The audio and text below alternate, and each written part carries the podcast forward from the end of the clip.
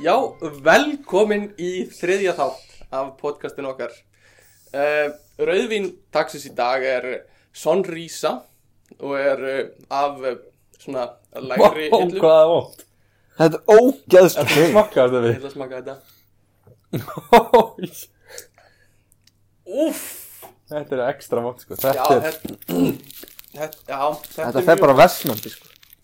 Þetta er ekki, ekki einu sinni uh, Já, vond Og það, sem En er það vann síðustu- samt gullvelun 2019 mm, Fyrir eitthvað svona skammar gullverðin.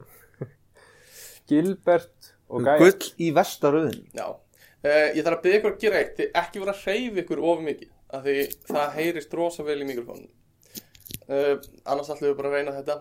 Við höfum verið í smá vandræði með soundið undan, uh, svona á þáttanum uh, og við erum svona að reyna að finna eitthvað gott í þessu.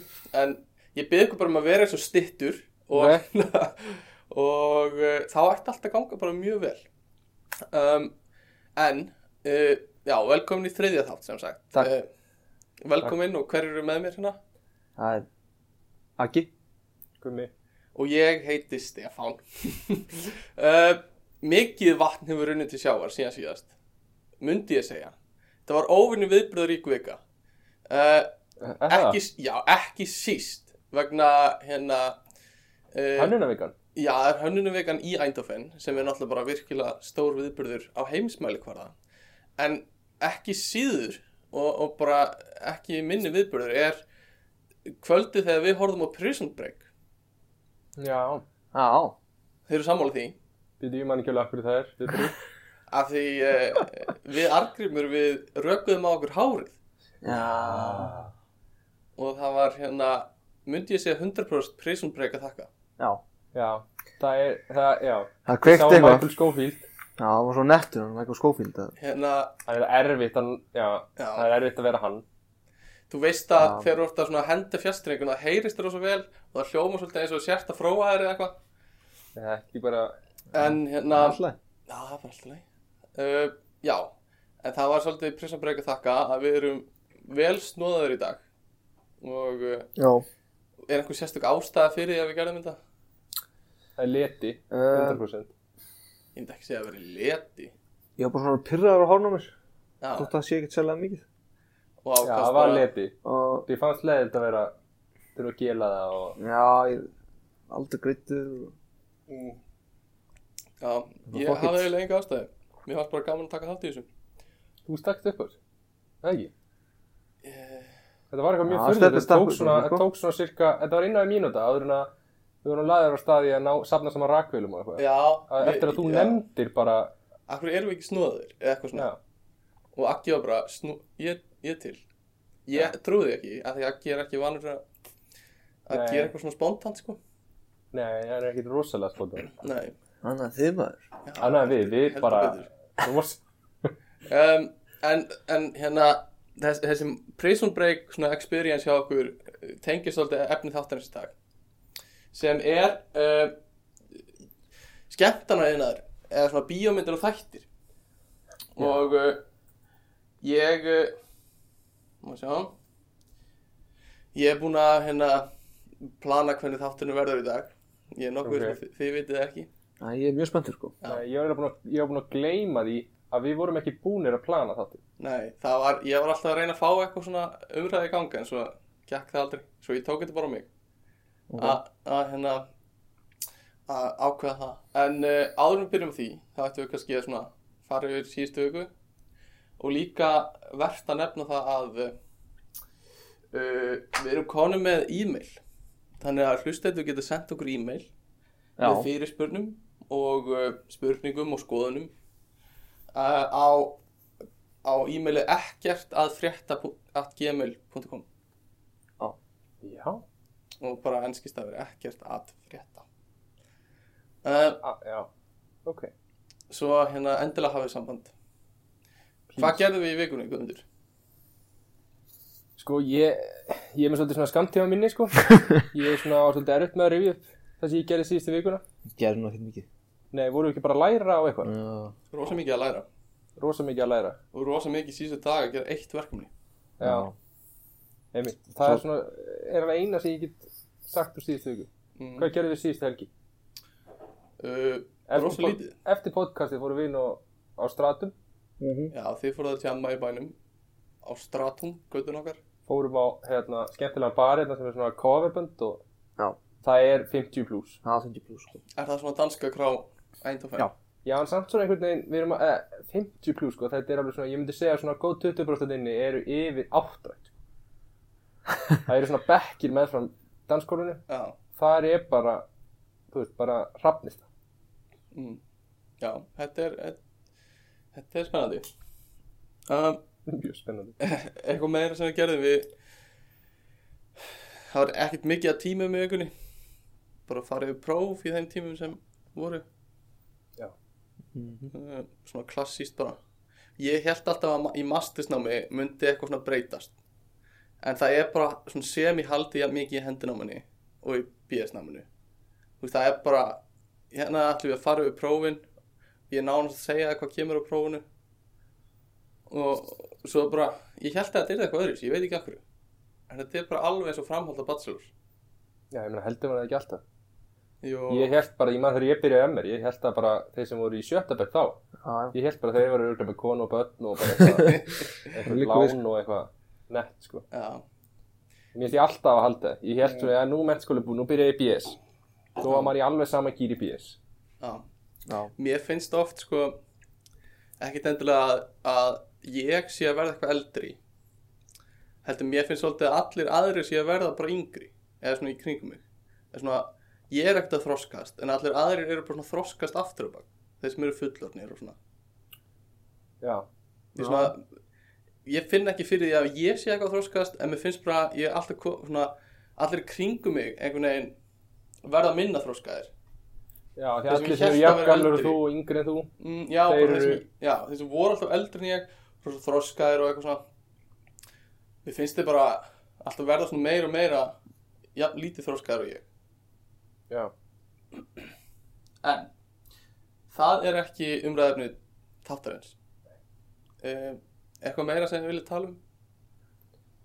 Eitthvað sérstakt um vikur, komandi vikur? Við erum með meet and greet í næstu viku fyrir þá sem vilja koma og Happy Italy. tala við okkur og hitta og, og uh, það verður opinn þáttur, næsta podcast þáttur svo allir geta komið og, og setið í, í salnum og fylgst með. Mæti snemma, mætið snemma. Uh, annars bara annars bara held ég að við ættum að halda áfram. Eða ekki? Jú, endilega. um, sko ég vil halda svolítið áfram með þessa viðlíkingu sem við byrjaði með síðasta þætti að við erum á við erum svona að kynnast hlustendum okkar og við erum komin á annað date og annað date er uh, endar á Netflix og chill heima og Wow, Mm. rólegur. við vitum öll að annað date er Netflix og chill date Já, við veitum alveg hvernig það endar. Ekki. þannig að eh, þá er oft spurningin hvort er mikilvægur Netflix eða chillið E, erum við að tala um þegar við erum á deiti? já, Já, ég, já, chili er mikilvægra. er chillið mikilvægur Eða, já, já, alltaf chili er mikilvægra. en gætur alveg, þú veist, chillað eða þú veist hvað ég á við með eitthvað skelvilegt í gangi Já. Já, já, já. Þú vilt helst ekki setja eitthvað gott í gang. en eða er bara eitthvað svona er eitthvað sem virkar ekki að hafa í gangi Uh, Kanski, Akki, hann, hérna, hann, hérna, þú nefndir að svona, eitthvað svona Forrest Gump væri svona golden, golden. Vá, það er solid, góð sko. Það er svona svona, löng, róleg og svona. þú vilt ekki vera með of mikið statement. það er svona að classic- detta út og þú veist, Já, í eitthvað já. svona slella eða ég veit ekki, og koma svo aftur inn Já, Ekki svo í Yummy Mummies eða eitthvað. Nei, það er ekki dottið voru úr því. Átt alveg líndu sko. já, Já, já, þetta er góð punktur Forrest Gump, það gæti verið gæti verið bara svona golden mynd það er einmitt uppáhaldsmyndi mín við vorum að tala um þetta í vikunni já. uh, en þið, þið sögðu aldrei hver uppáhaldsmyndin ykkar var Nei, ég held ég einhver uppáhaldsmynd. Vá, hvað það er Ég er bara Ég er bara með þetta er nákvæmlega saman þú sagði fyrst, áður en að ég sagði þér að hugsa. Nei, nei, ég hef lengi vita hver Ég held bara Lord of the Rings sem er sko.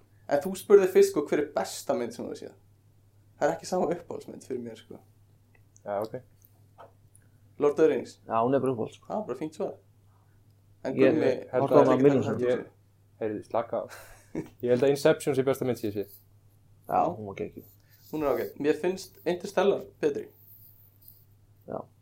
Mér finnst meiri svona Hún tilfinningaþrungin var- hún og var ógeðslega góð með Já, mér finnst bara geðveikt við leikinn líka uh, Allavega Ok, svo það er ekkert sérstak Er ekkert eitthvað svona ógeð sem er skrítið að hafa í bakgrunn eh, Þegar þú ert að chilla Í, í svona Netflix chilli uh, Jú, algjörlega. Badnaðinni, Batnefni, já, Netflix Kids og er bara með já. Dora the Explorer í bakgrunn. Það er bara En eitthvað svona fjölskyldu albúm Silfrið þjáfell Já, fjölskyldaalbum. Það er skrítið Já, já. líka skrítið og hendur í arinin á sjónvarpum. Nei, er það, ekki, er það ekki bara eitthvað svona solid move? Eh, ég veit það ekki. Ég er ekki ekki hreyfur á arinum, sko. Nei Eða, Hvað er það? Setja á arinn og Ég er undar, ég, mér fannst það gott komment í þér ekki, silfrið er eitthvað sem kveikir í manni meir en Egil Helga það er svona Egill skýrtanir svona maður. hnapparnir eru bara á síðasta snúningi sko Já, já Já. Það er bara byssukúla bara já, bara Ég get ást á myndbandinu handabandinu endalust já, ég, ég mana hlustendi til að fara á YouTube og fletta upp uh, Egil Helgason og hérna eitthvað awkward handshake eða eitthvað svona. Fá bara besta handaband Íslands sögunar um, já, svo við ég myndi segja núna að við erum svona á á öðru deiti með hlustendum og komum upp í sófa og En erum við ekki að þriðja þetta? nei, fyrsti þátturinn, það var ekki date sko ég fór yfir til sísta þetta Já, að ég hlusta eftir að hlusta. þá bara hittust við og, og ákvaðum að Já, fara er fyrsta date Ég maður núna. um, Þannig við Já. á öðru deiti, þannig að við, já. já, við setjum núna upp í sófa Mhm. og uh, erum að velja eitthvað til að horfa á uh, er eitthvað á Netflix sem þið hafa hort á undanfærið? Uh, það er Voða- mikið á Netflix sem ég hef horft á sko. undanfarið en kannski ekki ná bara Piggy Blinders. Peggy Hey. fucking blinders Take fucking blinders Já, Já það er svona helst held ég Ég veit, ég veit að ekki hann, þú þorir ekki að byrja á nýri seri núna. Það er hann fyrir próf. Nei já, er það svoleiðis? Já Það er svo leiðis. þú bara, já, það er bara en hvað horfur þá á? bara ekki, Bara eitthvað sem ég sé á þér bara eitthvað sem við séð áður Já, bara hafa með tíma á þér eða eitthvað. já, ok, vá er það einhver veistla eftirpróf? Nei. Hann var nefnilega að kaupa FIFA og kaupa kót. Býtu allar að, já, ok. Nei, ég var ekki búin að segja það Ég bara sagði að langar í það. það. Nú, Ég myndi aldrei koma báða sko. Mér finnst nú alveg að mig það er gera vel við þig. Kaupa eina eða tvo tölvuleiki. Ekkert að því. Eftir próf. Já, Ég var að kaupa mér VPN sko Ég Já, Já, það Bilding, horfðum á Simin Sport í dag. Já. Við takkar sponsor þáttarins X-Pri. Takk Ásgeir já Ég hérna Ég hef verið að horfa svolítið á eitthvað undarfærið Ég horfði á Þætti sem heita Living with Yourself Já, með Paul Rudd Paul Rudd Svona stutt serja Já, ég horfði á það, mér, ég horfði á trailerina. Já. Það er, er, ekki skrítið það? Þú veist Er þetta ekki eins og klikk bíómyndir stemming ykkur? Nei, ekki alveg Það er eitthvað langt síðan sá klikk Þú veist, þeir voru alltaf lægi, sko þeir, Ég líka bara, ég kláraði það á einu kvöldi, sko Þeir Já. eru alveg það stuttir, sko. Og hérna, mér fannst það bara fínt Það var bara ágætt, sko uh, Og svo eru þætti sem ég hef dottið inn í svolítið eru, sem heita Master of None Já, ég á það. Mér finnst þeir ske- góðir, sko Sum og gera office. Já, já, það Já. Ég nefnilega, ég byrjaði að horfa á það og þeir eru Gera Hvað office heitir og Aziz Rec. Ansari sem- Ha, Gera office og Parks and Rec. Þannig að þetta er eiginlega bara skrifað í skíina. já Ég finnst það getur hann, hann heitir hérna Aziz Ansari eða eitthvað sem, sem leikur aðalhuturki Já, var hann ekki uh, með eitthvað ásakanir á bakinu? ég veit ekki, ég hef ekki það sko. Nei, ég veit ekki. það er mjög erfitt að svona, keep track að s- á hverju voru og hverju Já. ekki Það uh, eitthvað óþægilegur í den. já ok, það er bara að hafa fjallað um þetta í síðustu seríunni Já, ég eh, ætla ekki að fara með það, kannski er huglunum saman, en það var svona indverst einhvern veginn ættaður leikari. Ok. Uh, en mér fannst þeir góðir sko. Þeir eru svona, þeir eru ekki hrættið við að gera eitthvað öðruvísi. Þætt, einhverju þætti voru bara, einn þátturinn voru allur í svartkvítu, einn þátturinn fjallaði ekki neitt um aðalperson þáttana heldur, fóru bara með alveg nýja karaktera og eitthvað svona, svona getur verið alls konar. Maður veit eiginlega aldrei við hvernig maður á að búast. Uh, þeir voru góðir. Uh, svo er eiginlega alltaf þegar ég labba hérna inn til þín Guð- Guðmundur, þar sem við erum að taka upp þennan þátt. Þá Það er Big Bang Theory í gangi. Mhm. Það Það var- solid að setja á sko Það var. Það var bara inn í það fyrir mánuði. Kláraðir það allt? Nei, nema það er bara svona breytist þetta til. Já. Ég er finnst bara gott að hafa þátt í gangi bara, Já. og meðan ég er bara svona eitthvað ekki að gera neitt, sko. Mm. Já, það er svolítið. Þá er svolít að vera með eitthvað svona. Þetta er svolítið svona companionship. Þú ert ekki að vera með Game of Thrones í bakgrunn bara með það. Nei. Nei. Létt með þetta sko Já. Já, svona að companionship. Þetta er. En er það ekki líka eitthvað sem er gott að chilla við? Svona á deiti? Eitthvað svona léttmyndi? Jú. Ég ímynda mér svolítið að, þú veist, En ég myndi að segja svona Jú, Friends Já, væri gott sem svona date það er En er ekki oft betra að sé bíómið? Jú, nefnilega sko Er það? Já, Það er svona alltaf nýr og nýr þátt Þetta verður svona Já, já, ég veit ekki svo kemur continue watching og er eitthvað óþægilegt. Já. Hafið þið einhvern tímann tekið svona Netflix fyrir date? Í- Nei, veist, ekki ég. Já Hvernig var það? Það er alltaf sko Og var, þú veist, hvað valdur að horfa á? um, Ég valdi til dæmis Ylvi Fórskam Fórskæð? Já, það er ekkert villist. En var það á Netflix? Já. Ah, ok. Ok. Mm, er einhverju svona þættir sem þið vitið að þið ættið að horfa á? En hafa ekki Já, að gera? blessa Hvað? uh, Fyrstum þetta því var The Wire Það er líka fyrst sem ég þetta Já Ég eftir að horfa á það. Svona einhverjum 15 ára gamla þættir sem það var búin að Já. horfa á, sko Og Jón Gunnar sagði bara ég vinn ekki með neinu sem hefur ekki séð væri. Já Aha. Svo ég þarf að horfa það en ég ætla að vinna með Jón Gunnar. Sko, Mad Men er alveg á þeim listið á mér. Mm. Já, maður ætti sem Það er eitthvað svona sem að maður eftir kannski er búin að sjá. Æðislegi þættir. Mad Men. Best skrifuðu þættir sem hafa verið gerðir. Það er svolítið. Aha. Take. Úf Ég veit að Aggi er á Breaking Bad vagninum. Ég, ég er lestarstjóri Ég er ekki að segja að Breaking Bad sé ekki góð. Mér finnst bara að karakterinn er fáralega vel skrifaðir í Mad Men. Já, ég trúi alveg sko, ég kann bara sjá Já, en ég veit ekki annars hvað er sem ég ætti að vera búin að horfa á. Ég, Nei. ég einhvern veginn hef svolítið fundið bara svona hvað er, hvað ég mun enn að horfa á ekki. Já. Ég var búin að sætta mig við það. Það er bara svo ógeðslega mikið að þáttum En þú veist, ég hef aldrei meika til dæmis svona ævintýra þætti. Eins og hvað? Æ, eitthvað svona, ég veit ekki, bara, eða, þú veist, eitthvað svona sem er ómikið eitthvað framtíðar eitthvað svona. Ég hef aldrei fílað það. Ég horfði á þetta 3%, þetta heitir, fyrstu sérinu eða eitthvað. Mm. sem var eitthvað svona heimurinn að degi og bara 3% með að fara eitthvað annað og eitthvað svona, eitthvað Ok. svona YouTube -ið. Ég þarf líka að horfa á House of Cards Já, Eftir að horfa á það en það er ekki svolítið búið það það er náttúrulega bara búið, sko. Já, ég veit að það er búið en er það ekki, þú veist, er eitthvað að pæli House of Cards í það Þetta er alveg góðið þættir. Og Þetta er fyrstu svolítið seríuna svona mjög góðar. Þú veist, er transcendar listin, þú veist, listamannin? Þú veist, ætti maður að mega njóta House of Cards lengur þó að Kevin Spacey sé, þú veist, mesti pervert í bus- businessnum. Þú veist, hvernig á maður að takla svona? Ég bara veit það ekki sko Það er ekki með hot take á það. Ég er ekki með hot take á þetta Sko, ég hallast svolítið að því að,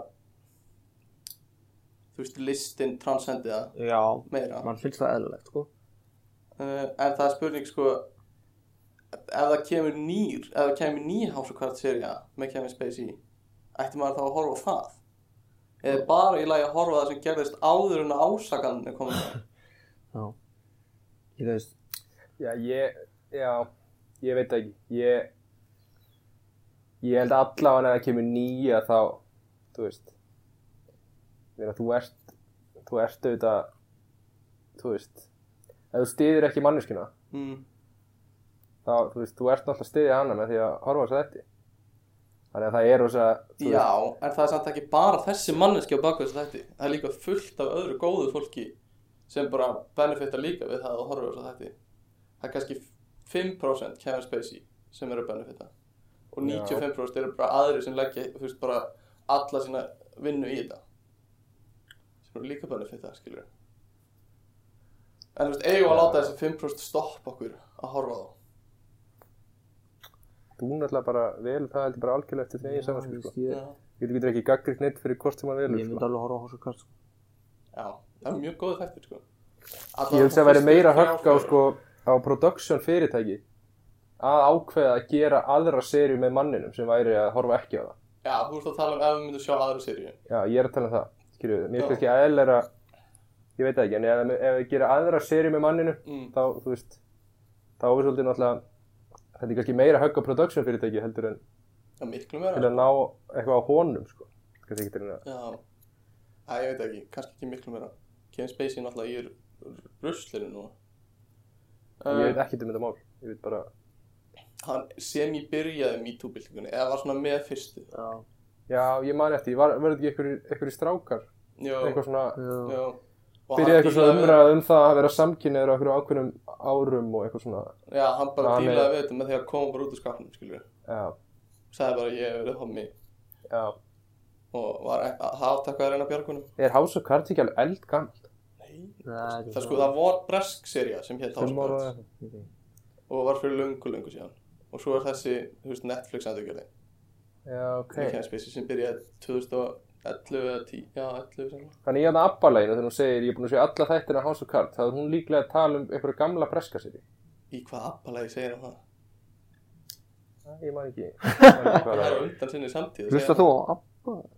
Ég hlusta mikið á Abba. Uh, já, hlustum allir á Abba. Hérna ég skora bara á hlustendur að, að hérna, finna þessa þætti sem þið vita er eiga að hafa séð og horfa á þá. Uh, nema að sé Yummy Mummies. Nei, endilega að horfa á með mig en hvað er, svona, Lorinska er að fara í annar bann já, Sorry með spólarna hvað er mesta drastlið sem þið eru að horfa á? Við erum að horfa Sem nú ég er að horfa núna. Það hafi sér, sér Ég held að það sé Ég- Selling Sunset sí. á Netflix. Selling Sunsets. Já, þetta er einhverja mm. er það að svona konundar sem eru fasteignarsala Já, svaka skvísur í LA, eitthvað svona fasteignasalar Já. Sem fjallar þetta ekkert um fasteignasölu eða fasteignir, ég held það sko fyrst. Já, ok. Og þetta var svona algjör fróða sko. samt hæl, ég held ég áfram að horfa og klára þetta. Já, nákvæmlega. Stundum bara Kemur svona, fyrir. Ég veldi ég fyrir mér hvernig svona þættir megi að vera gerðir. Takk fyrir þú veist hver, hvert er pitchið þitt fyrir þessu? Ég og vini mínir erum að selja hús í LA og bara svona hver greenlightar bara þá hum þú veist ég veit alveg að það er áhorf eftir að það hafa verið gerðir en bara hvernig byrja framlýslan að þeim Já, en ég minna, er þetta ekki bara frekar empowering að vera bara hérna fyrirtæki sem að, þú veist, vera bara samansatna á svona ríkum konum sem er að selja fasteignir og eru bara einhverju top level fasteignarsælar í Hollywood. Já. er þetta góðar fyrirmyndir ekki, mannstu það? Nei, örgulega ekki sko Jú, hvað er alveg góða fyrirmyndir? ég manna ekki alveg hvernig það voru sko Já. Ég, ég veit að ég og Guðmundur stöndum á mjög andverð meiði með það hvernig við horfum á raunveruleika sjónar Þú ert mjög mikill fan, er það ekki? Að raunveruleika sjónum því? Já, Jú, jú, jú, ég er fan af því sko. já Það ég, er, það, það, já, ég held sko að munum sé sko, það er ekki það að ég haldi, að það, veist, það er ekki það að ég sé svona, gerir mér ekki grein fyrir sírun á baku þetta. Já, heldur bara ég nýt hennar. Ég Já. baða hann upp úr sírunni. Já, og mér finnst það bara næst þetta er ekki svona eins og maður sé bara svona vittlusari fyrir pælinguna að þetta sé eitthvað pródusera eða sett upp eitthvað. Þetta er bara svona þú nýtur þess að horfa efni þetta er alveg samum hitt. Já. Ég bara, ég, ég, ég get ekki þess að svona þætti oft. Þú veist, ég hef hort á Ég hef hort á RuPaul. Já. Og þú veist, og hann var smá gaman að ekki Jú, jú, stundum er alveg gaman en oft er ég bara hrist í hausin og bara þetta drama er búið til og eða þú veist já, margt sem að sér bara sem er svo feik. Já. Hvað var aftur hérna enda ekki alltaf á því að voru tveir sem að máttu vera sendir heim og þau fóru í hvað lip-sync battle. Lip-sync, sko, lip-sync for your life. Já, veist, það það er svona með skemmtilegri partinum af hættinum. Nema þetta er bara svo stjórnandi þáttanum getur bara algjörlega ráðið hvernig sendir heim. Þú veist, það er bara gett þetta ákveð basically. Já, sem er svona, já, já, þetta er passa vel fyrir handrið sem þetta þáttanins en uh, nóg að því. Og nóg að því að ég sé að tala alltaf um að raunveruleika þættir eru ekki ekta og eitthvað svona. Um, ha, Ha. Nei, þú veist bara ert látt það- komment ég er svona á millivörun og millega sko. já. Mikilvægur millivegur Mikilvæg millivör. Já, þegar ég og Gummi erum að rökra þetta þá er ekki, þú ert yfirleitt bara segir ekki neitt. Já, víst ég. Hann gera það bara yfirleitt. Já, Þú veist, bara, hann hefur alveg skoðun, skilur við mm, Hann bara er, hann, hann hefur vit fyrir því að segja ekki neitt. Hann er vit fyrir já. Ég hef bara meiri áhuga á skrifuðum þáttum sem eru, þú veist svona, eiga að vera þú veist, Já, ég skil það alveg. fiksjón uh, eða góðum svona uh, svona sögulegum þáttum eins og O.J. Simpson voru mjög góður Þeir voru góður. Voru mjög góður. Uh, talandi um O.J. Simpson þættina, hvað eru einhver svona must watch þættir, eða myndir? Hvað er svona fyrsta sem við getum þetta í hug? Must watch myndir. Já, eða þættir. Eða þættir. Þú veist, ég myndi segja, Game of Thrones mm, já, Já, ég, ok. ég, sko, ég hefði definitely sagt það fyrir síst seríuna.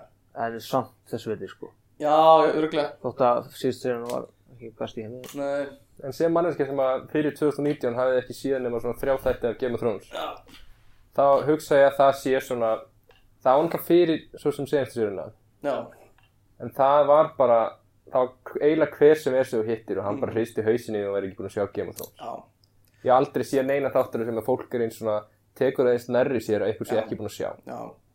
Sko, ég hef líka, sko, ég hef svona smá sterkar skoðanir á nok nokkra af þessu eins og bíómyndir sem eru must watch og ég er ekki eitthvað svona að þú verður að sjá þessar bíómyndir og fíla þér heldur, maður verður bara að sjá þessar bíómyndir til að geta tekið þátt í samræðum sko.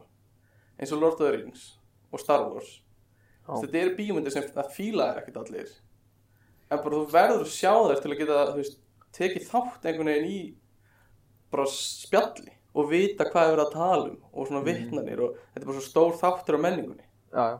Það er sko eitt að hafa séð Lord of the Rings þannig að þú getur tekið þátt í samræðan á svona venjulegum skala mm. Svo er allt annað level að hafa séð Lord of the Rings til að geta tekið þátt í samræðum ykkar tvekja Já, já, þær eru líka samræðinir okkar eru líka bara svona kvót úr myndinni Já. og hlátur uh, Ég hef ekki séð Lord of the Rings sko í svona ég hugsa sér örgla svona 6 ár síðan eða. Já, það, ég horfður úrlega eins og á því. Er þú típa sem horfur á þetta alltaf um jólin? Nei, ég horfður bara á þetta eins og tísar ári. Já, Einu sem tvisvar ári? Já. ég hef sér gera Ég er ekki greinast. Extended, sko. Í einu. Nei. í einu, ekki alltaf þrjá? Ég Ha, gera það helgi er bara alla myndunar. Í extended? Já. Í einu? Já. Er þetta ekki 12 tímar eða? Jú. þetta er ljúis að hlusta Já, Ég er ekki að ég, hef einu sinni gert það og ég verð að segja þú veist, þriðmyndin endar svona fjóru sinnum þá er maður stundur bara svona ég komi nóg eftir 11 og hálfan tíma En hvað er ákveðið að horfa á Lord of the Rings? Þú veist, er, ég veit ekki eitthvað svona alltaf á sama tíma eða eitthvað Þú veist, er, kemur þetta bara svona allt í henni yfir ykkur bara á venjulegu lögði bara, herru, ég ætla að horfa á Lord of the Rings núna Já, Það er stundum frí eða eitthvað, skilur. Það er not? stundum er það líka bara samt bara svona í planaði með einhverjum félaga Já. Já, það er líka alveg, ég hef gert það hvað Frábærar fleiri eru svona must watch myndir. Pæti hvað búið að eldast vel já, fárulega vel. Og hvað Hobbit eldist ekki vel. Af því Ég er maður að kella líka bara mikið hatar hobbit, sko. tekni brellanum Eldist hann ekki vel? Ég bara sá hann að bara of eitthvað smúð, sko. Lord of the Rings eldist bara svo fárulega vel vegna þess að þeir, Gerðu nei, þeir voru á rétta staðinum varðandi sko make-upið og teknibrellunar Já.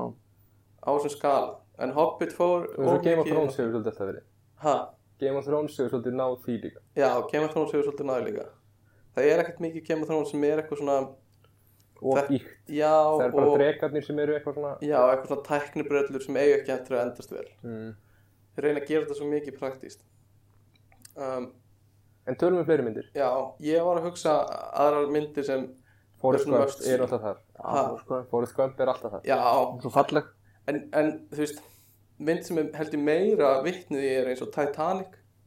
Þetta er, já. Þú þarft ekki að fíla hana en bara horfa á hana Já. til þess að vita hvað er gangi.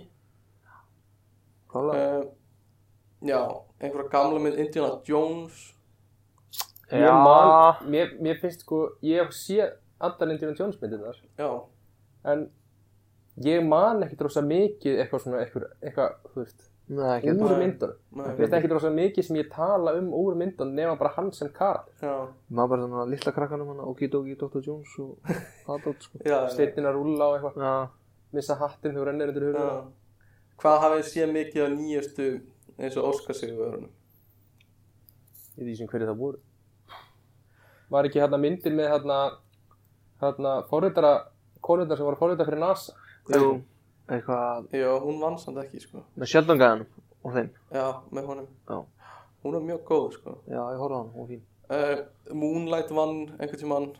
Síðan. djöfull var það mikið fjasko þegar La La Land var fyrst sögð það vunnið og allir voru komin upp á sviðu óskarnum. Og svo sagði gæðin sem las upp sigurvera bara, heyrðu, ég las upp vittlisann sigurvera hérna. Moonlight vann. Var þetta ekki Cambridge sem sáum þetta það var einhverju datascientistar sem sáum hérna nei, þetta var, það bara, hún, hann fekk rétt vittlist umslag. Já, það, var, þú veist, það er allt skipulagt af já, ok, það er eitthvað svona voða system bak við þetta. Það var eitthvað svona það eru fleiri, fleiri umslög og það er, þú veist, einhver eitt sem á að bera ábyrð á því að fara með einhvern ákveðin stað, þetta er eitthvað rosa Ok. batteri, sko. já, það var eitt fjasko maður. Myndi mér svolítið að þegar Harvey hvað heitir hann hérna, kynnirinn í Miss Universe eða eitthvað. Já, Já, skeggið. Já, og sagði vittlisa stelpu í, í, sem sigurvera Mm.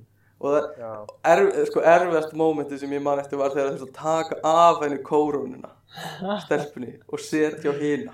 Já, ríka. það var hrikalegt ábróð þurfa að taka af þér kórónuna. Hvað heitir það? Steve Harvey, Steve Harvey heitir hann. Sem er hérna með hérna fjölskyldurættina, Family Feud, eða ekki? Já, já, það er annað ég meika svoleiðis þetta eitthvað svona, eitthvað svona sem við á ekki að vera eitthvað sem er bara eitthvað svona spurningu þetta að keppni eða eitthvað svoleiðis Já, við horfum á hérna Gumma Ben þættina, sem er nýr. Já, hvernig finnst ykkur þeir? Ég hef mjög gaman að því, sko. Já, Já, ég er bara búin að sjá eitt sko Já. ég sé eftir hér með hjólið Já, með Eithori og Sóla. Já, djöfull er Eithor viðbjörslega góður Hann er fárlega góð sko Hann líka, hann var finn.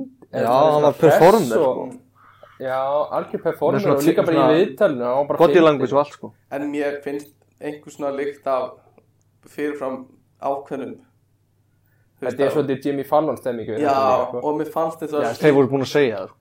Já, þetta er fyrirfram ákveðið. Já, já, ok, þau sögðu það. Já, ok. Þú náttúrulega getur ekki bara hent einhverju eftir einhverju bara gæja bara með einhvern, sko. Nei, Guðmi Ben sagði líka hvað Já, við stálum þessu mögulega úr einhverjum þætti. Já, Jimmy Fallon, halló YouTube mitt fullt af þessu. Um, YouTube er ekkert smá fullt af Jimmy Fallon. Bara ef þú horfir á eitthvað, þá kemur bara Jimmy Fallon just Hann er smá pyrrandi Hann er, ó, já, hann er Það góður. af öllu. Ég er alveg hættur að meika alla þessa stætti, sko. Ég fílaði hérna þegar hann írski gæinn var. Já? Craig Ferguson. Craig Ferguson Hann var langt já, besti skoti Já, Hann skoti mér, já. Langt besti sem hann spjallað Bara kaldaðin, fokki fyndið. Og bara Og bara að byrja alla þættina að rífa upp nót, þú veist, hérna minnispunktana sína. Hvað hétt þetta vélmenni hans? ég man það ekki Beinagriðin, ég man það ekki. Fekk hann ekki einhvern Íslendinga Svona Það fekk Jón Jón Gnarr? Gnarr til að koma. Já, hann fekk lungnar Það fekk hann í svona úr salnum sko Og byrjaði þáttir með hann eitthvað svona. Íslendingin sem já var alveg rétt, mér ámar í þetta. Ég horfði ógislega mikið á Já. Ferguson Já, hann var sko Mm. Það var eitthvað svona annað væp yfir honum heldur en hinum Mér Það er líka svona góðu þáttstjórnandi Mm. Sorry, ég greip fram með fyrir En hérna, þeir hafa bara svona Þeir hafa bara svona Þú veist, þetta er svo mikil eh, Þetta er svo mikil hæfileiki Já, Að vera góður þú veist, þeir einhvern veginn, þú nærð svona nærð að gera samtali eitthvað skemmtilegt og þú veist, Já. nærð að stýra því hvert umræðan fer og Já. nærð svona að vera hress og eitthvað, þú veist, þetta er miklu erfara held ég heldur en maður gerir sér grein fyrir, sko. já, ég veit það. En þeir eru náttúrulega með teimi bara þú veist, 20 ræters með sér sko. Ég er að tala um bara samtöl. Já, bara við viðmælendur það er líka svolítið skriptið sko. En já, algjörlega. Ég er sammála því. Þetta er, þetta er einhver svona hæfileiki. Mér finnst Conan fín Conan er, já, hann er já. Mér finnst Ellen svona orðin leðalagi, svona nennir ekki lengur Já, Ég er mjög hrifin af hérna James Corden. Hvort er það? það Mér finnst það finnst þetta bara svona mér finnst það allt bara sami gæn Corden Jimmy Já, þeir eru rosalega svipaðir, sko. Er hérna Jimmy Kimmel er hundlaður. Mér finnst það Graham Norton alltaf skemmtilegur. Já, já, mér finnst hann Já. ákvæður Hann er svona breskur. Jamie, nei hvað er Oliver Jamie Oliver? Nei, hann er Oliver gæn Glerur já, John Oliver. John hann er Oliver. samt með allt fyrir þessu þætti. Já, samt svona hverju kvöldi eitthvað, dæmi já, ekki fyrir það er sinni í viku sko. Já, ok. Býtu var hann er hver maður. tók við Jay Leno? Jimmy Fallon. Og það var svaka drama í kringu það sko. Já, Já. Hann fyrst átti að ég veit var eitthvað svona vesen líka með Conan. Fekk einhvern tíma þáttu og var svo reikin eftir einu seri og eitthvað svona. Já, Allavega, ég ég, horfði mikið á það. Leno í gamla daga sko. Já, Jalen var svolítið iconic sko. Hann var alltaf á skjá einu og svo var, já, eitthvað svona Carson eða eitthvað var mjög vinsæll. líka hann að David Letterman já, David Letterman. Hann, mér varst hann taka svolítið svona flott svona spin-off þegar hann fór í hérna Netflix þetta. Mm. Já, Ég ég taka svona svolítið svona, svona tók bara svona topp viðtöl. Og voru bara svona sex viðtöl í seríu. Já, Mm. my next, next guest. Já, já. next new, no introduction. En hver er samt svona spjall kongurinn á Íslandi? Ég var einmitt að hugsa um þetta. Logi var ekki 70 mínútur svolítið svona spjallþættir á Íslandi? Nei, ég myndi segja Logi Bergman Logi Bergman Já, Logi kom fyrst upp hjá mér. En þú veist 70 mínútur voru á hverjum degi? Já, En þeir voru ekkit en ég er bara að tala um það skilur já, já, þættir sem voru á hverjum degi voru alltaf, þú veist. Já. Jú, þú sem en já, Logi Bergmann spjallþáttar kongurinn Gísli Martin er að reyna að komast alltaf inn í þetta. Já, hver er Já. skoðan á Gísla Martini ég er svona bara sko. nútral á gísla sko. Mér finnst það svona bara alltaf læg Þeir ekki Mm. töðnum á mig sko. Nei. En- Mhm. Hann er alltaf rosalega Ófindin sko. Ófindin, Já. Já, hann fæði bara aðra til að grína fyrir sig. Já, þessi Berglindi og já, Því Hann er byrjað að taka sko þennan frettir vikuna sjálfur sko. Nei, það, Já, Er það cringe? alveg ríkalegt sko. Já, ég veit ekki, ég er ekki múin að horfa það. En það er nú svo.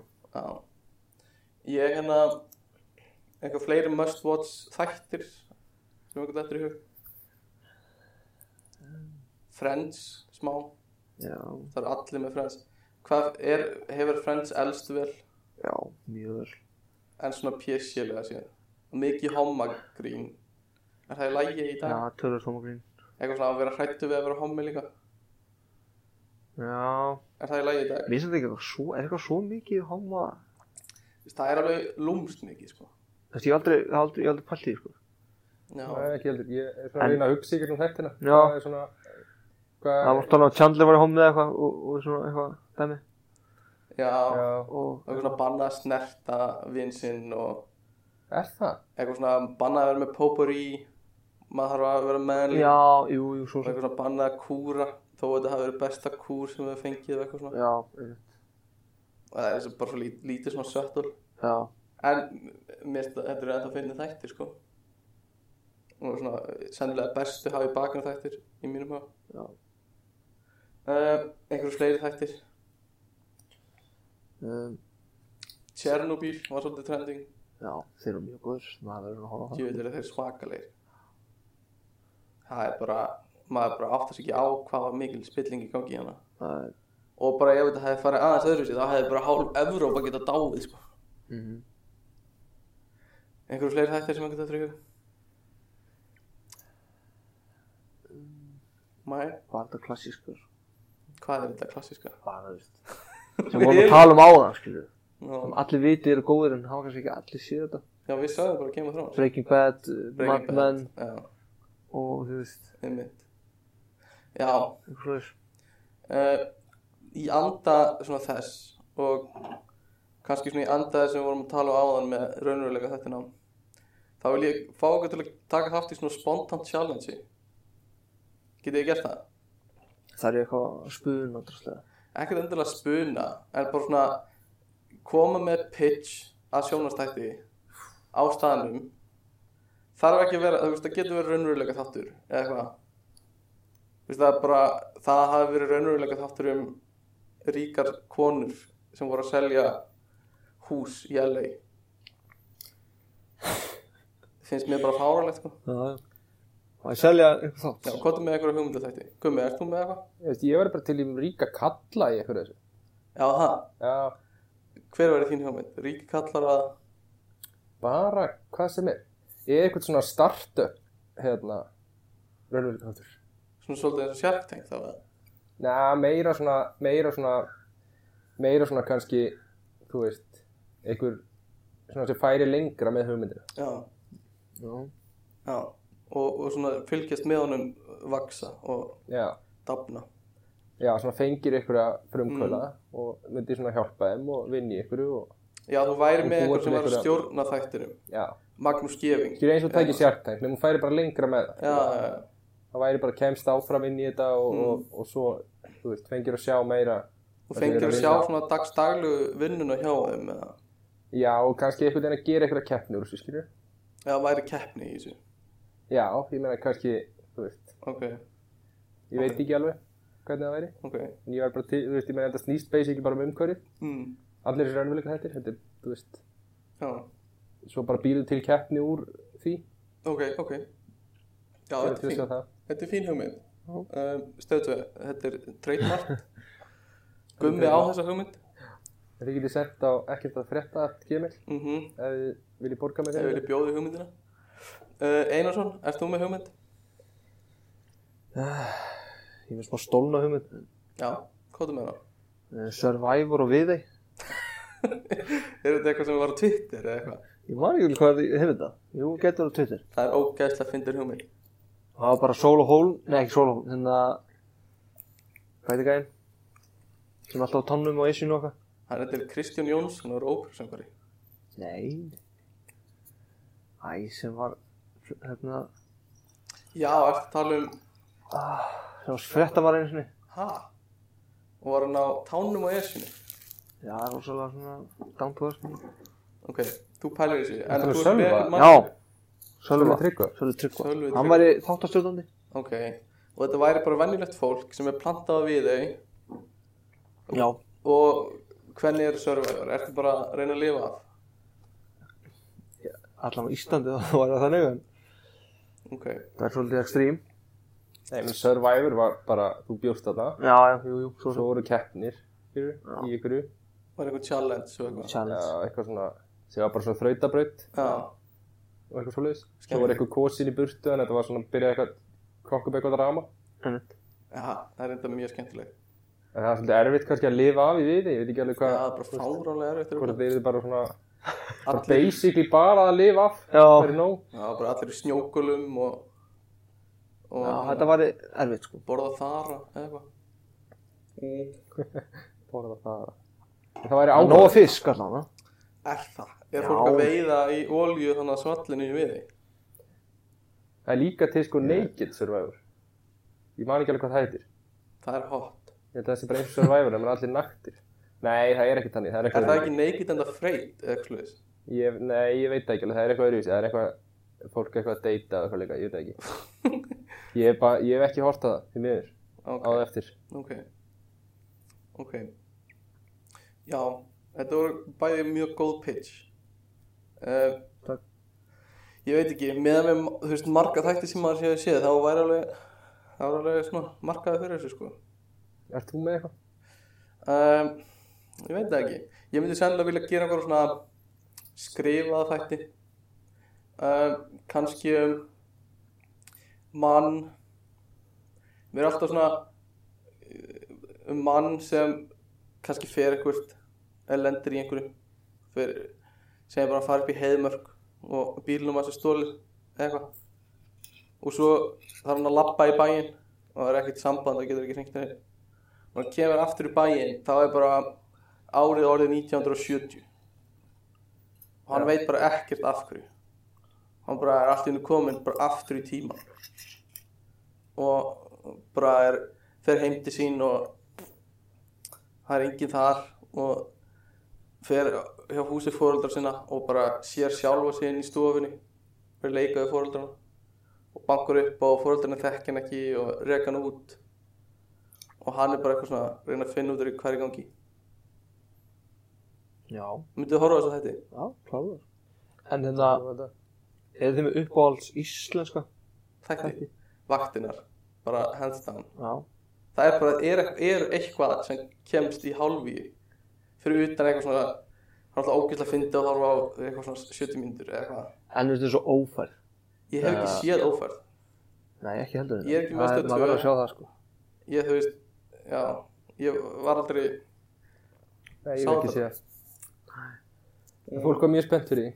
Skemmtilegt koncept. Var það ekki ófærð sem að var konceptið að, að hérna, leikarinn vissi ekki sinni sjálfur Jú. var það svoleiðis? Já. Já. Ok. Uh, Sigurinn Kjartansson var að skrifa þetta. já, síðan Kjartason var skoðið, ég hlusti á viðtölu hann þannig að tala um þetta. Er eitthvað fleira svona, ég veit ekki. Svona stand-out þættir uh, það er bara þessi grínþættir. Þú veist, Já. eitthvað svona heilsubæliði stelpunar og fleira en hvaða þættir sem eru ekki bara eitthvað svona pjúra Réttur. sketsar Ha, Réttu, já, ég mæti því. réttur já. einhverju fleiri svona dramaþættir Hvað héttur hérna Hamarinn eða var það mynd eða þættir Hvað héttur þetta þættið þið með hérna, stelpuna sem var, byrjað, var handtekinn hmm. og var hérna á voru ekki þættir Héttur ekki bara eitthvað fangelsi eða eitthvað svona Fangar fangar, Betur. var ekki fangar um það ég veit ekki Það var á hérna kvennafangilsinu Já. En er ekki, þú veist, það er eitthvað svona við íslenskt skemmtefni sem er svo þunglindislegt oft. Já, einu svona þættið sem ég man eftir sem eru ekki sko annarkvort gaman þættir eða eitthvað svona drama Mm. og voru eitthvað svona eins og ástrýr það var svona reynd að búa til eitthvað svona eitthvað svona Sex and City Mm. pælingu Svo var þannig að Lía glad, sáu þið það? Nei. Með, ekki Helgi Björns og Svafa, hvað heitir hún? Annars á. Já, Anna Svafa sem er Braga núna. Já, getur við. Þeir voru vist ágættir. En hérna hlustendur, endilega sendið inn post eða þeir eru með einhverja upp, uppáhalds íslenska þætti og líka eru með góða pitch hugmynd að hérna sjónastöðum, láta okkur vita á ekkert að frétta Við ringjum nokkuð símtölu. Já, við getum verið Hver veit hvað gerist? Já. Við heldur betur Tölum við áttuna, það getur okkur að græja production Já. Þeir hendur nú í mynd. Já, það er hægt í mynd Það er ekki Aha. topp Varstu ekki? Er ekki eitthvað Hjálmar öll líki. Eitthvað svona bankarána. Jú, ég sá hann vasar aldrei eða eitthvað Já, fullu þessu. um, Svo eru bara íslensku kveikmyndina Hana Börn náttúrunar og Hrafni flýgur og eitthvað svona. Sódóma. Toppmynd, ég sé hana. Það er búin fullt af nýjum íslensku myndir sem eru búin að vera. Já, hún er mjög góð Ég fíla Íðurinn Fúsi. og ég mann þig og... Góður. Sko Fúsi Ég er maður þig. ein besta íslensku mynd sem ég sé. Mér fannst hún geðveikt góð. Hrútar, fín, Hrossi Oss sé- Málmhaus. Mér fannst ég mann þig ógeðslega góð mynd Já, Já, ég var og- þig var bara fáránlega vel gerð hryllingsmynd Eina sem að var off var þegar ákveða að fara í þetta að láta kirkjuna hrinja dæmi sko. Já, þá. ah, ég, ekki samt, ég tók ekkert sko. eftir því að ég var í bíóni Ég var ekkert að pæla í því sko. Það trublaði mig bara um leiðis á það Já, við líka sko. En þú veist, sú mynd er bara Hún var ekki að finna í- á ne neitthátt Nema bara íslenska landslæði Já, en Það bara, drungalegt íslenskt að þetta svona fór inn í mann einhvern veginn. bara, en, bara, já, bara það sem hún gerði var bara ógæslega vel gert. Bara, bara, hún á bara mjög mikið propp skilin um, svo ætla ég, já, kannski tala bara um svona hver staðurinn á skemmtefni er í dag. Það er náttúrulega alltaf færast yfir í þessar streymisveitur. Mér finnst hálfgerð krís að vera komin í þessar streymisveitur. Þetta var bara, þetta var töff þegar Netflix var bara með þetta en núna er maður bara að pæla þau veist, Apple er komið með þetta, Disney, Disney og, Og bara, bara Amazon Prime Amazon. þú veist, Hulu maður er bara svona, Verður hvað þetta maður ekki velja ódreift? já, þú veist, einu sinni var bara Netflix og það bara voru allir með Netflix en núna þarf ég bara að fara að pæla mikið hvað á ég að hafa Já. það er svolítið Ef pyrrandi ég, þegar þangað, hvað get ég það Já. sé? Og það verður svona, mm, réttindi verður svo dreifð eða hvað? Ég, mín, það er svona mitt svona, mín er, hérna það, já, er það samt, ég meina þú veist, er þetta ekki bara eins og línulega dagskráin skilur? bara hvað stöð allar að horfa bara hvað þættir er verið að sína í en- og ég meina, þú veist, þetta er þetta bara ekki, er þetta ekki bara hringar og svo fer aftur í það? Já, þú Já. þarft samt bara svona eitthvað er þetta ekki bara að koma á heimsmæli hvað það stöðvar basically, Jú. en þú alveg að þú velja hvort þú hvað vilt vilt, hvað þú vilt kaupa, skilur en þú, þú þurfti líka að gera það með sjónvastöðvar skilur Já, við reyndar, við vorum bara með rúf alltaf heima En, en fólk er alveg mikið að pæli, þú veist, á ég að vera með þú veist, ef maður með skjá 1 eða ég að kaupa stöð 2 Já, eða þú veist, hvað þætti að vera sín í vetur og þú veist, Já. já. Mín, Sko, mín, ég held eða, sko, mér finnst þetta skemmtileg þróun eða það kæmur svona svona streymisveitur, streymisveitur. Þannig að þú subscriber á streymisveitur, þú veist, ég veit ekki, eitthvað sem heitir bara hérna Plex eða eitthvað og þá hefur þú aðgang að Netflix, Hulu og Amazon Prime. Þetta er svona næsta level fyrir ofan. Já, ég. Það. þarfst að velja, veist, hvað af þessum þessum higher level dæmið þarfst að velja. Og þegar það komið svona trilljón af þeim þá fyrir við einu leveli ofar sko. Og þá þarfst að velja hvaða streymisveitu, streymisveitu, streymisveitu þarfst þig. Það er svona endur. Já, þetta er svolítið þannig. Ég held að það er bara eftir að halda áfram að vaksa svoleiðis. En myndir þú borga, þú veist 5.000 skall á mánuði fyrir að vera með Netflix og Hulu og Amazon Prime eða eitthvað svona Sko það er nefnilega, já, sennilega ef ég væri, þú veist ekki núna, skilur við, sem námsmaður en ef ég væri kannski þú veist, með bara eðlilegt, þú veist, komin á stabílan stað í lífinu Já.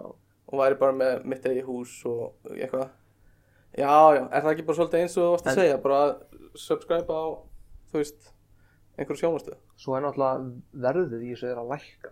Tölvöld. Nei, er ekki alltaf Netflix að hækka og svona Já, en þetta er svo Apple er að bjóða eitthvað á, þú veist. 5 dólar mánuð eða eitthvað. Aha. Já. Disney eitthvað mjög útvitt líka. Þannig að þetta verður aukinn hark á þessu sko, sem ætti að vera gott. Sko. En eins og fyrir okkur sem búum á Íslandi Já. svona fyrir utan okkur þrjá um, þá finnst mér sko þá myndi ég frekar vera á streymisveitu sem sem hefur allt efnið fyrir opið fyrir Íslendinga eða bara fyrir alla skilur í staðan fyrir að vera með Netflix sem er bara með 10% af því sem er í bandaríkjunum. Veist, það myndi skipta mig líka miklu máli. Já, já. myndi freka vera á stöðu sem er með veist, bara sangjarnar einhvern veginn svona uh, úrval. En ef þú getur eða væri svona eins og pay-per-view fengir kannski fyrstu þrjá þætti af hver, hverju svo vildir. Svo væri ánæður myndi vilja klára sérina og getur borga fyrir það. Myndi Já. vilja þá streymisviti? Ég veit ekki, Mér, ég hugsa svolítið um þetta eins og svona hlaðbors mat, matstæði. Mér finnst svona ég, ég er eitthvað meira mér finnst eitthvað meira heillandi við að geta bara horta eins mikið og ég vil. Og hérna þá er ég að hugsa bara svona smá eins og þetta sé þegar ég fer á hlaðborð og veist, þá má ég bara borða eins mikið ég vil og ég hugsa bara veist, þetta er bara veitingistæður eins og heimskur að challenge mig mm. eitthvað svona, mér finnst ég alltaf vera að græða á því að fara Já. á hlaðborð uh, og sama bara með svona streymisveitur ég, mér myndi finnast ég, ég myndi held ég ekki horfa á neitt ef ég þurfti að borga alltaf pay-per-view Mm. Ég kaupa aldrei app og app store hvað er það? ég veit það ekki eitthvað svona, mér, ég bara, ef ég þarf að borga fyrir appin þá finnst mér eins og ég sé eitthvað heimskur eitthvað svona, Já. þá er sé ekkert mikið þá myndi ég örugglega líka hugsa eitthvað svona í pay-per- pay-per-view dæmi sko. Já. þetta er nefnilega skemmir svo mikið fyrir þú veist, þetta, þetta fría þú veist það er eitthvað sjarm yfir því að, að þú veist eins og þegar fólk voru keifti DFD-disk Já. þetta er svona eins og eða vínilplötur skilur. Já. Að fólk sé í dag að kaupa vínilplötur miklu dýrar en að Mm. kaupir geisladisk eða hvað þá lægið á netinu eða eitthvað. en Elko er hérna hægt að selja Já. RIP. Já, en þetta er einhver, Og þetta er einhver sjarm yfir þessu. Þetta er svona, þetta er leiðileg þróun. Þetta sé orðið allt eitthvað þú borgir, þú veist, þú bara tímir ekki um að þúsund kall á mánuðin til að fá allt sem þú vilt horfa á í Netflix. Sko ég, eins og þú varst að tala um að fólk er byrjað að kaupa vínir allt í hérna aftur og eitthvað svona. Ég á Bjöggi hérna félagi minn fórum og fyrir stundum í geisladiskabúð Valda og kaupum okkur Vaffa og S-bólur og horfum á það. Og einhvern tímann hérna vorum við að tala við Valda sem á svona litla svona hólu á laugaveginum fulla af einhverju svona geisladiskum og, og plötum og leikjum og bíómyndum og vorum að tala, hann á svo mikið af Vaffa S-bólum og bara, við vorum bara að tala við hann og hann sagði bara, já, ég, ég á svona 100.000 Vaffa S-bólur Vá. og hérna ég er bara að býða eftir að þetta komi tilbaka og fólk fari að Já, pott, svona tíu ára eitthvað. haldið þið það, að, að Hérna, Vaffa S þetta var- ko- fái svona comeback getur Einhverju marki, sko. En kannski ekki. já, Ég veit ekki, ég held ekki mitt Vaffa S svo lítið cool Já, þetta er klunnalegt einhvern veginn. Já, vínill er eitthvað, það er eitthvað svona smá sjarmi Bara þegar vínill. nálinn dettur, sko, á og Þetta er eitthvað svo romantíst, sko. Ég veit ekki, kannski eru vínill líka hefur svona ákveðin gæði sem fólk er líka sækjast eftir Já. Þú Þú ert Vaffa S er bara Þú elskar ekki þessar línur sem koma á Vaffa S-in og Nei, nei. er- spóla tilbaka er eitthvað sem að Þegar þú spólar of oft tilbaka verður myndin verri Já Þetta er gamla góða, þú þarfst ekki að spóla tilbaka Þú veit það svo þreytt þegar maður setti spól í tækið og þrjótti sér spól tilbaka. En hvað finnst ykkur, hver er staðan á skemmtarnabransanum í dag? Er það góðum stað eða er þetta slæm þróun þessi? Ég held sér bara heilt yfir góð þrún. Já, það hefur aldrei verið framleitt jafn mikið. Bara öllu efni. Tónlist Þetta er alls ekki perfekt en ég held að kostinni séu bara miklu meira en gallandi. Já, það getur verið sko. Uh, Ég er bara spenntur að sjá hvernig það fer með þessa með þessa streymisveitur. Það er alltaf svo er alltaf fleiri og fleiri bíómyndir sem er fara ekki bíó og að fara beint á streymisveitunar Hvað finnst ykkur um bíóhús? Þetta er alltaf gaman, bíó. Já, hvað er svona gaman við það? Ég veit það ekki. Nei, ég veit ekki Þú bara einhvern veginn ert í eh, stóru sal, geggja hljóð, mm, stór skjár, alveg Já. dimmt, enginn í símanum já, og bara horfa mynd. Það er eitthvað við það, ég veit ekki. Það er svo pyrrandi þegar einhver er í símanum svo, í bíónu Já, það gerist það ekki oft. Það spjalla eitthvað Við erum á, það er geggja bíó hennar VIP Það er gott bíó hér, sko. Já. Ég er rosa hlýðin að það er svolítið romantískir hérna aftast, stólar. Já. Við Það getum var pantað svona bekk sko. sem er svona tveir stólar ekki minn einu svona eh, arm hérna rest á milli sín. Bara eins og sófi sem ég Já, sko bara eins og sófi og með- það er fólk bara með freyðivín og eitthvað. Já, getur pör verið saman og panta sér freyðin Já. Ógislega næs. Við hefum aldrei farið þangar endar en. Það er næsta skrif um, Já, við bara erum optimískir á framhaldið um, En svona, svona streymisveitir voru kannski ákveðin svona kannski ekki dauði en það, það svona, var, kom svona smá hlýja einhvern veginn á þessa download æði sem var í gangi Já. Hver er svona eitthvað skoðun á downloadi? Uh, Alveg harmless eða ekki alveg harmless, en ætti maður að vera með einhvern móral yfir í að downloada? nei, ég held ekki, sko. Ég held að flest allir gerir þetta. Einhver veit að hafa gert þetta. Já. En ef maður downloadar einhverju, þú veist, segjum að þú fylgist með einhverju sjónastætti sem þú downloadar alltaf, Já. ég er að opna rauðvinni uh, eða vissu ekki uh, þú veist ætti maður að styðja kreatorinn á einhvern annan hátt þú veist, sko, hvernig mynd, það er ekki alltaf hægt. nei, það er ekki alltaf hægt og það er sérstaklega kannski erfitt á Íslandi ef þetta er ekki sínt á neinu stöðum og, og, já, en ég, ég veit ekki þú veist, mann finnst einhvern veginn að maður eigi að þú veist, gera eitthvað tilbaka út af því að fólk er að leggja rosa mikla vinnu í Já, þetta. já, akkurat. Það er bara sem með tónlistina. Þú veist, maður downloadaði allir í tónlist í Kanada. já. Bara torrent eða LimeWire eða hvað það var. LimeWire, Cancer Sjáttu það á LimeWire. Og svo kom Spotify og maður bara gerir bara hættur þessu. Eila hættur Þú bara veist, þú borgar bara eitthvað klinga mánu og færir Já. þetta allt. Þú Já Það er að hægt að leysa þetta. Það, já, við vil nefna að Spotify mætti vera inn í þessum streymisveitu pakkum sem ég var að tala um á hann Veist það geðu kvömynd einhverja hérna skrifa þetta niður, þetta er trademarkað mig. Um, En uh, já, manni finnst oft svona Veist, ef maður, ef maður er kannski búin að fylgjast með einhver þætti í tíu seríur og alltaf downloada það maður hefur aldrei borgað krónu fyrir það. Mhm. Það eru margir þættir sem ég hef ekki borgað krónu fyrir að horfa á Já. En einhvern veginn maður gerir, borgar aldrei neitt tilbaka Einmitt. mm. Já, þetta er náttúrulega, ég veit að Bubbi hefur mjög sterkar skoðunar á þessu Já, Bubbi er náttúrulega bara gamaldags sko. Hann segir bara að þú ert að stela Já, er bara eins og þetta stela mig sko. En þú ert það er náttúrulega ekki rétt. þú veist, þú ert þú ert smá bara að taka afrit af eignunum hans Já, en þú veist, er, er eitthvað er það í lagi? Þú veist, þetta er smá eins og ef þú ættir einhverju eign og ég myndi bara 3D prentana. Þú veist, þú ættir sjónvar Já. og ég myndi bara taka það og 3D prentaða frá þér. Er þetta er samt að leysast, skilur Netflix, Spotify Fólk downloada miklu minna núna. Það er nefnilega málið. En haldið að fólk eftir að downloada meira út af því að það er einhver svona krísa í held en þú veist, þú vilt kannski horfa á eitthvað sem er ekki á Netflix en er á öllum hinu streymisveitunum sem þú ert ekki subscribeaður á Já, já, kannski, en hún er aldrei útrýma torrentin hvað segir Þannig að downloaduðu flestir Game of Thrones þú? Það var svona þáttur sem að fengi gegnum Hulu eða eitthvað Í því hverju voru HBO. með Já, bara HBO Þeir, Eru þeir með streymisviti? Já, Já. stöð 2 síndað líka uh, hérna. Eru HBO með streymisviti? já, allan fyrir Já, bandaríum þeir eru með HBO Now eða þú veist, þú getur keift en það er ekki íslenskt, þú getur ekki já. Já, ég veit ekki hvort það verði eitthvað svona spæk í, í downloadum aftur sko. En ég held samt sko sem er Spotify Það er að vera tónlistumönnum.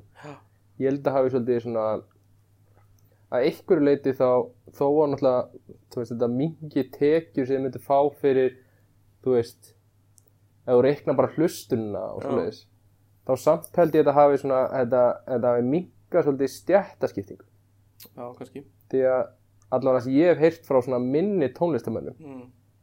Sem eru svona, eru, eins og íslenski tónlistamenn, minni tónlistamenn. Já, og þeir tala um að, að þeir eru þú veist, í rauninni græðir á þessu. Já, að þeir fáru kannski ekki mikið pening já. en þeir væri samt aldrei að fara að selja þessa disk. Nei, bara exposure þá líka. Ég líka bara, þú veist, þú ert bara á Spotify og þú bara fær borga fyrir hlustunna og svo þú gefur út eitthvað eitt gott lag og eitthvað. Og þú veist, það bara hlustar hætt líka fólki og það bara tikkar inn. Já, þannig að þú, þú veist, fyrir þá sem eru minni tónlistamenn mm. er þetta er þetta oft betra. Þú getur bara sett efnið beint út aðeins fyrir að leggja fram einhvern rosalega stoppkostna og þú veist, þú ert ekki að treysta á að fólk kaupi diskinn, þú fær bara svona sandgjart, eða þú veist, fær bara fyrir þess að fólk hlustar. Þetta verður til dæmis áhugavert sem ég verður til að taka fyrir í, í pod, hinu podcast-tættinu mínum. Að fá bara tónlistamann sem hefur verið að starfa og bara tala við hann um nákvæmlega hvernig systemið er. En haldið ekki að íslenski tónlistamenn sé að fá mest út úr skiggum, jú, það ekki? Jú, Þannig að þetta er bara að klippa Spotify en þú fær kannski hlustununa sem fólk notar til að bóka, Mhm. ég veit ekki. Um, já. En ég meina annars hefði þetta verið, þú veist, þegar þetta voru bara að vera að selja diska. Já, þú veist, þá voru bara þú veist, ég meina þeir sem eru náttúrulega mest pyrraður út í þetta er eitthvað svona, eitthvað stóri Hollywood já. eitthvað svona Los Angeles lið Ég var aldrei, mér fannst ég einhvern veginn vera á mörkunum á því að vera á diskatímubulinu og download-tímubulinu. Ég var aldrei, ég keift aldrei mikið að geisla Nei, maður var það um, En eitt var aldrei, þú veist, eins og Netflix, sérstaklega hvernig það var, hvað það bara gætt stjórnað mikið, bara áhersvenjum, bara miljarda manna. Og getur enn. Og getur enn, þú veist, það kemur einhver heimildum á Netflix, þá eru allir búin að sjá hana. Basically, sko. Ég, það er allavega allir búin að sjá nafnið. Nafnið á henni, þú en ef og- Netflix gefur út eitthvað þú, þú sér það náttúrulega margfalt og oftar heldur en- promótar á síðan sinni eða for, forsíðinni þá var allir búin að sjá það. Mjög mikið vald. Þú veist bara allar Netflix serið sem kom út já, það fara oftast ekki fram hjá neinu Nei, það er rosa margir búin að sjá Já, sé eða sjá nafnið eða eitthvað. Já ég sá nafnið já, Já.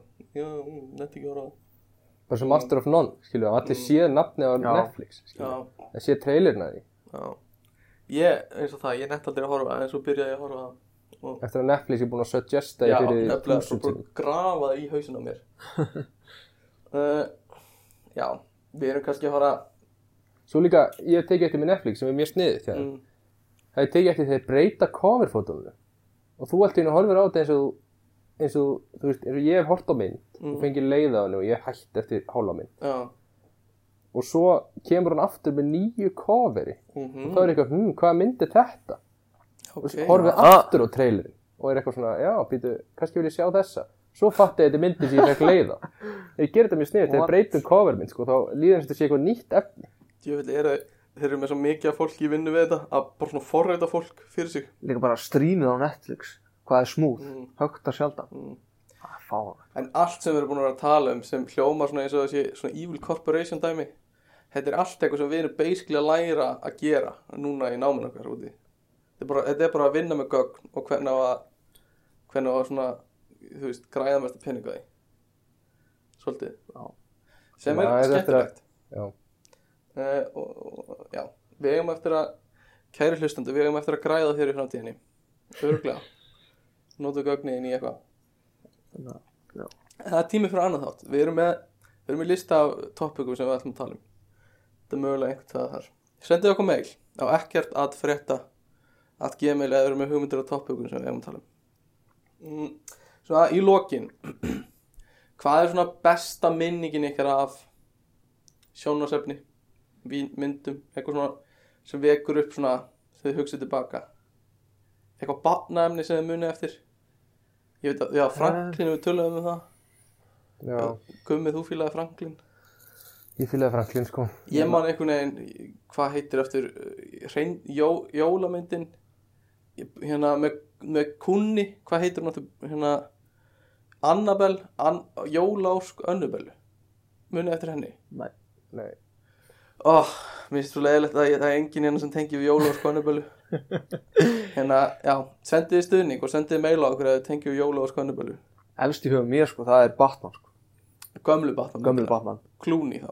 Nei, sko, teiknum þetta Já, Settið. gegn, það er geðveiki þættir og þemalagið í þeim Já. er fucking góð það alltaf skólu sko. Það var Já, ok, mitt jam í gamla dag sko.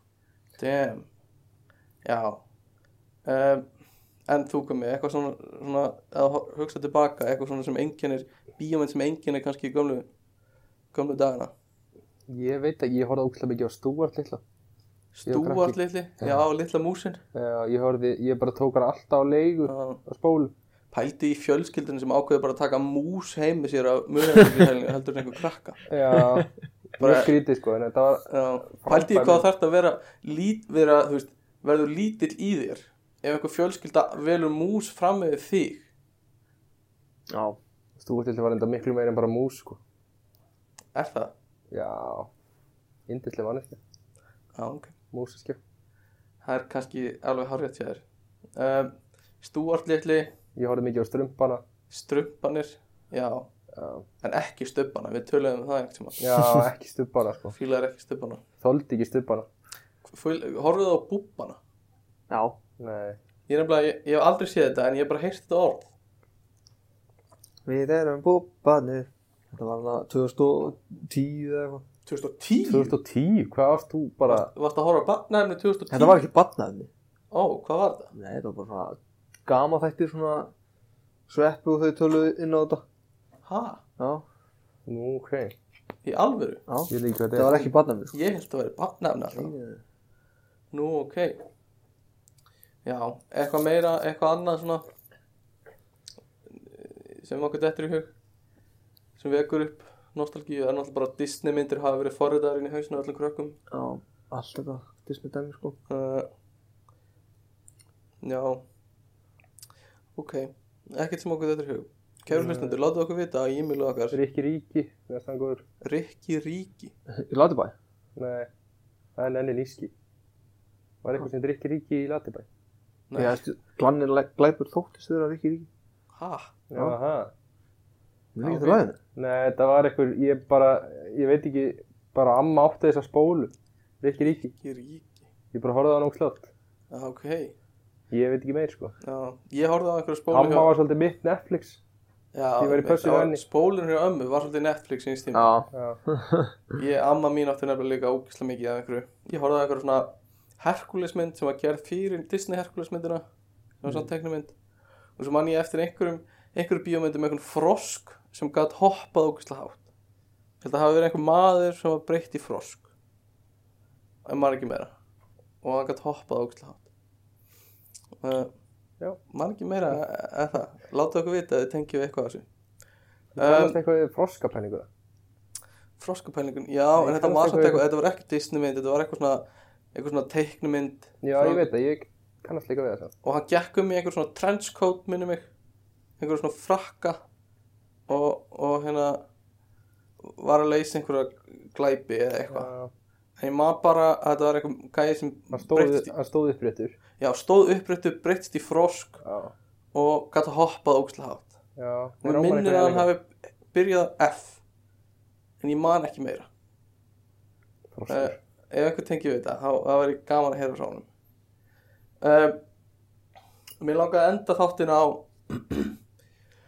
svona smá leik mm, sem við höfum spilað svolítið undanfannum viku. Uh, sem var að í staðan fyrir að spila lag einhver einn spila lag og við gískum á hvað það er að fá akka til að syngja þýmlaga á einhverju bíómynd. Og við reynum að gíska hvað það er. Mér finnst það svolítið bæjast leikur en nei, nei, nei. Við, sko, já, munið þið vorum í þessu leika. Þetta var ekki að syngja eitthvað sem bara þú svaraður, ég held ég hef ekki svarað einu sinni. Það er ekki satt. Ég, ég, það var bara tóistur eða eitthvað. Nei, ég svaraði því öllu. Svo fórst að syngja eitthvað bara Ég náði bara ekki sem ég öll veit sem ekki ekki var að syngja sko. Jú, þú, eitthvað eins og Forrest Gump og eitthvað ég ekki hugmynd um hvað það var. Já, það var, já, já, pró, prófum þetta. Uh, ok, Byrjaði að vera einfalt. Hvað er það mörga? Nei, bara prófum tvö það? Mm. Byrjaði bara einhverju einföldu. Til dæmis Harry Potter. Eða Lord of the Rings. Sko, þjáningar svipurinn á Akka núna Þegar svona setja hann á On the spot Er Ég- bara Hann er gífurlegur. Nei, ég bara, man ekki bara Ma, bara, ertu alveg tómur Kóttu bara með eitthvað Ok. Já, Þetta er- Jurassic Park. Já! Yey Ok, eitt í viðbót. Ok, Eitt í viðbót sem ekki ætlar að, að hérna syngja fyrir okkur. Og uh, við ætlum að giska á hvað hann er að syngja. Þetta er svo iconic lag Veistu hvað þetta er komið? Þetta er, er ofurheitja Ég hef ekki hugmynd um Guðmar leiðist svo mikið? Þetta er bara svo, þetta er bara svo, já. Þetta er Superman. Já. Úr gömlu Superman myndunum uh, Ok. Gumma varst það leðilegt Mér mér bara datt ekkert betur í hug sko. Mér varst það gaman. Uh, Þetta var bara ykkar leikur. Þegar við tókum bara venjulög Þá var ég alveg Já, við í erum bara góðum að gír klára þáttir En nú erum við að taka bíómyndalög sem ég, við, ég veit bara ekki neinn bíómyndalög. Já, við bara klárum þáttin á einhverju sem tengist efni þáttarins uh, Ok. Uh, Við skulum ekki gera þetta aftökum. Uh, Já, eitthvað sem þið viljið segja á lókum? Nei? Lifið ekki. Lífið heil. Ok, hafið þið samband endilega við okkur? Og hérna, já, ég ætti eftir að sjáta á þetta á um, einu mannski sem átti ammali uh, í fyrsta þættinum okkar. Þú ert búin að sjá þetta uh, Þú sjá þetta er ekki á hana. Þú sagðist ætla að sjá þetta á hana Já, ég ætla, ég gleymd að sjáta þetta á hana Það er sem Þú- Já, Ok. sjáta á Cardi B sem átti ammali fyrsta þættinum okkar uh, Eitthvað meira? þú sagði þetta sama í öðru þettinum okkar Bye! Bye